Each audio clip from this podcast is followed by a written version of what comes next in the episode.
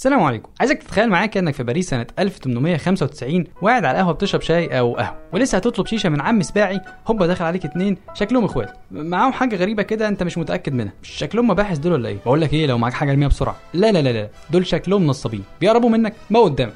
واحد منهم بيقول لك تسمح تولع لي؟ ولعت له فتح معاك حوار وأنت عينك بتلف 180 درجة ولا كأنك عشر في فيلم إبراهيم الأبيض.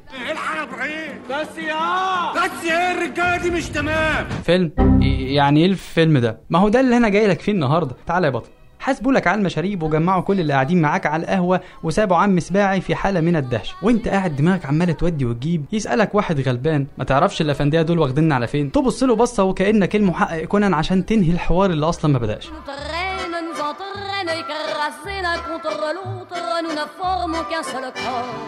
شوية وهتلاقي الاتنين الإخوات بينزلوكوا البدروم اللي تحت القهوة مباشرة. وواحد فيهم راح يحضر جهاز غريب متغطي كده. جاهزين يا جماعة؟ 3 2 1 سنة حلوة يا جميل.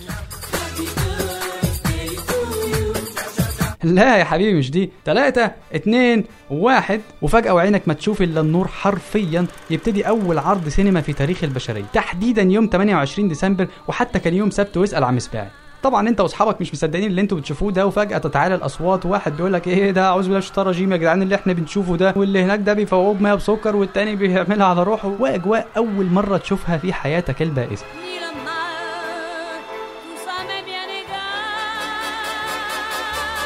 خلينا أتدخل والحقك وأقول لك إن اللي بيحصل ده هو عبارة عن 10 أفلام كل فيلم لا يتعدى الكام ثانية وهي مقاطع لناس خارجة من المصانع مروحة لبيوتها واتنين قاعدين بيفطروا عادي وثلاثه قاعدين بيلعبوا كوتشينة ومقاطع تانية لحاجات مختلفة أشهرها قطر كان جاي ناحية الشاشة.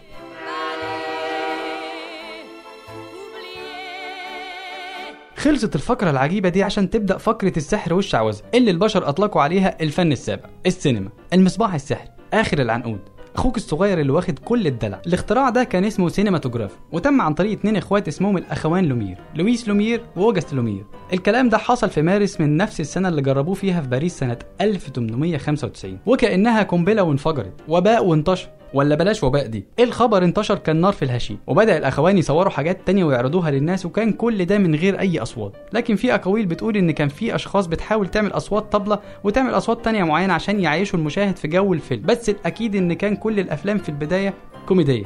طيب يا سيدي عبارة عن إيه الفيلم ساعتها؟ أشياء بسيطة زي إنهم يتفرجوا على شارع مثلا أو ناس بتتحرك لمدة كام ثانية، حاجة جديدة، حط نفسك مكان، فجأة أنت بتتفرج على حيطة عمالة تعرض لك كل الحاجات دي، تخيل. لا تخيل بجد لدرجة إن واحد من الإخوة راح حط إيده على الشاشة عشان يطمن الناس إن ده مش سحر. واحد يقول لي طب ليه الأفورة دي يا عم الحاج؟ ما كانت الكاميرا موجودة قبلها. أقول له أنت صح الكاميرا فعلا تاريخ محاولات تصنيعها راجع لسنة 1550 ويمكن قبل كده كمان وفضلت في تطور لحد ما تمت أول عملية تصوير فوتوغرافي سنة 1839 ويقال إن الصورة كانت بتحتاج من خمس دقايق لنص ساعة عشان تتصور. بس كل دي كانت محاولات لصور فوتوغرافية مش لدرجة إنك تشوف ناس دبت فيها الروح وبتتحرك قدام عينيك. تخيل جهاز بيقول لك دوس على الزرار وسيب الباقي علينا. يا باشا انت متخيل؟ إيه السينما دي؟ إيه الاختراع الجميل ده؟ إيه الشيء العظيم اللي إحنا شفنا نفسنا فيه؟ حبينا الخير وكرهنا الشر. شفنا التاريخ الإنساني. شفنا كل حاجة من خلال السينما. المشهد الثاني نرجع لسنة 1896 وتحديدا في يناير. الموضوع بدأ يلعلع والبلية بدأت تلعب وفضلوا يطوروا في العروض لحد ما وصلوها ل 20 دقيقة. الاتنين إخوات قاعدين بيعدوا الفلوس وفجأة الباب بيخبط يدخل عليهم جورج ميلي. ساحر. شغلانته ساحر. من بتاع قرب قرب قرب قرب تعالى واتفرج. واللي من حسن حظه هيكون أول ممثل سينمائي في التاريخ. قالوا له أمر. قال لهم الحاج موجود. قالوا له بيشرب نبيذ بالنعناع في البلكونة. دخل وقال له بص يا عم الحاج الجهاز اللي معاكوا ده يلزمني في الشغل. أنا راجل شغلتي الإبهار ويهمني جدا أفضل موجود في السوق وعدم لا مؤاخذه الجهاز اللي معاكوا ده كأنه اتصنع للسحر. أبوهم لأنه كان من كبارات المجال ساعتها قال له بص يا ابني الاختراع ده مش للبيع. وعلى فكرة أنت هتشكرني بعد فترة إني رفضت لأن الاختراع ده هيجي عليه وقت ومش هيكمل والناس هتزهق منه وهتبقى خسرت فلوسك على الفاضي. معلش بقى ما كانش يعرف.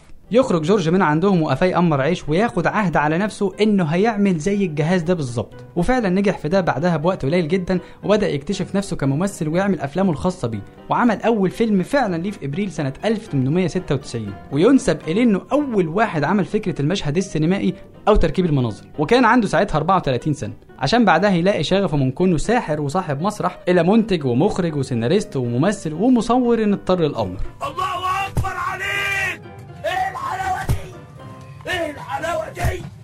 المشهد الثالث منزل الحاج لومير.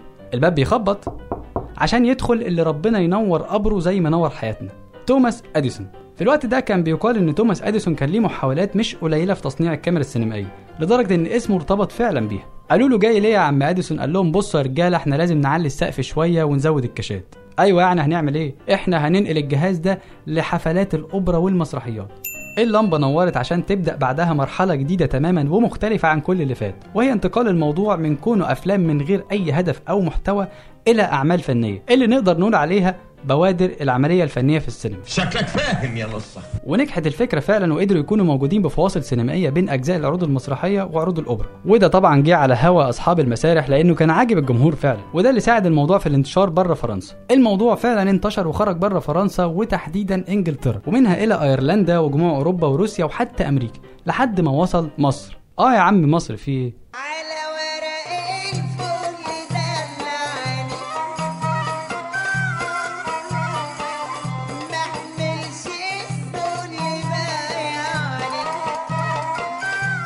المشهد الرابع. يجلس بيومي أفندي على أحد مقاهي الأسكندرية في يناير سنة 1896 وبينما هو قاعد يحتسي مشروبه الجميل ولسه هيطلب شيشة من عم رفاعي وانت عارف الباقي. بالظبط. بسيناريو مشابه للي حصل في باريس في السنة اللي قبلها جه واحد اسمه ألكسندر برومي من طرف الإخوة لومير عشان يعمل أول عرض سينمائي في مصر والمنطقة كلها. عشان يطلع بعدها على القاهرة وهناك يعمل أول عرض في القاهرة في سينما اسمها سنتي. لحد ما رجله تاخده لبورسعيد عشان يكون تالت عرض سينمائي والكلام ده حصل سنة 1898 طبعا الزبون ما كانش جاي للعرض بس لكنه وثق بعض من مظاهر الحياة في مصر في الفترة دي بالكاميرا اللي كان جاي بيها زي ميدان محمد علي وميدان اسمه القناصل في اسكندرية. ويقال إن ده كان توجه من الراس الكبيرة ساعتها. عشان يتعرض كل اللي صوروه في مصر ده سنة 1907 في شكل فيلم تسجيلي صامت قصير واللي أغلب المؤرخين بيقولوا إن ده تاريخ بداية السينما في مصر كصناعة وبدأت السينما. صلاة النبي أحسن. اتفضلوا معايا. المشهد الخامس. وفي عالم موازي كان هناك شاب اسكندراني خلص جيشه وزي أي شاب ساعتها ما كانش حيلته غير دماغه وعافيته بيحب التصوير والفن التشكيلي والزجل. لما أصحابه قال لك بس إحنا نعمل فرقة مسرحية.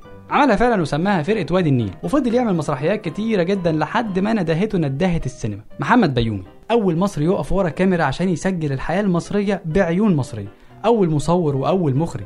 أول واحد عمل استوديو سينمائي سنة 1923 وسماه أمون فيلم.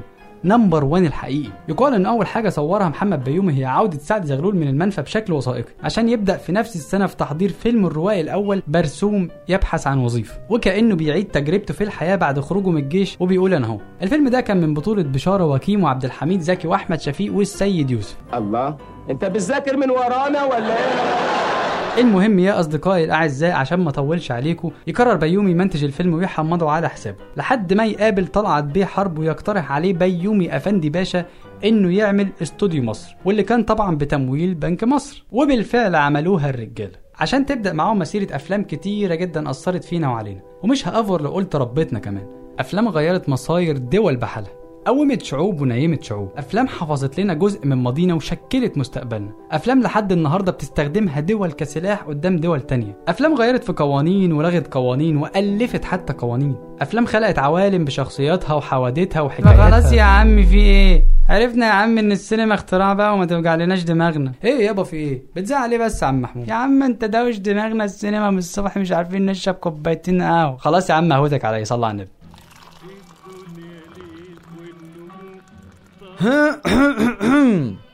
يا ألف أهلا وسهلا بيكم. معانا النهاردة يا جماعة تجربة جميلة. سنة 2013 في ناس في اسكندرية قرروا يعملوا بالظبط زي الأخوان لومير. جابوا أفلام ونزلوا عرضوها على القهاوي والنوادي والنقابات والمصانع والمدارس والجامعات. عملوا كده ليه؟ وإزاي؟ فإحنا جايبين لكم أستاذ وجيه اللقاني صاحب ومؤسس مشروع سينما لكل الناس. أستاذ وجيه منورنا. قبل بس ما أقول لك آه، تشرب إيه؟ آه، بص يا ريس إحنا لسه قهوة على قدنا وما جالناش sponsor.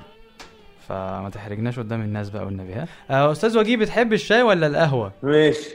القهوة. واحدة قهوة والنبي يا عم سباعي طيب لحد القهوة ما تيجي يا ريس. السؤال الأول. أنتوا مين؟ أنا اسمي وجيه لقاني أه بشتغل مبرمج أفلام ومدير ثقافي ومنتج آه، مشروعات ثقافية وفنية وبدخل دلوقتي في إنتاج بعض الأفلام القصيرة. تمام تمام. آه طيب بص أنا مش هسألك الفكرة جت إزاي بس بدأت إزاي؟ أو بدأت ليه أصلا يعني؟ خصوصا إن السينمات موجودة وعندها جمهورها والنت موجود وبرضه له ناسه. أنا لما بدأت بدأت في 2013 كانت في ذروة السينما المستقلة ونتائجها الواعدة. كنت في أحد الأماكن الثقافية كان في عرض فيلم مهم جدا للأسف ما كانش بيحضر لثلاث أفراد.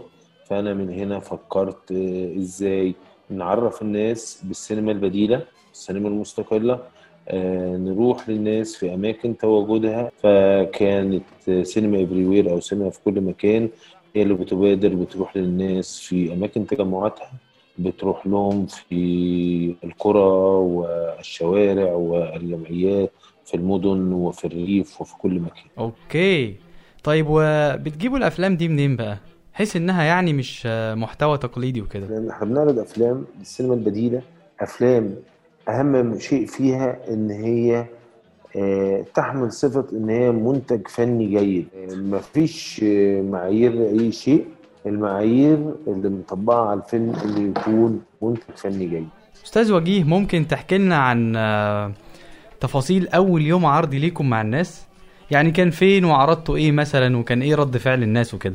أول يوم عرض كان في 31 أكتوبر 2013 في أحد المقاهي في اسكندرية اللي أنا كنت بقعد عليها. رأيت لي الفكرة قلت لصاحب القهوة قال لي القهوة قهوتك حطيت شاشة حطيت اللابتوب بتاعي وصلته بشاشة بتاعة القهوة آه، ورحت عارض وقلت للناس يا جماعة دي حاجة اسمها سينما بديلة ممكن تتفرجوا.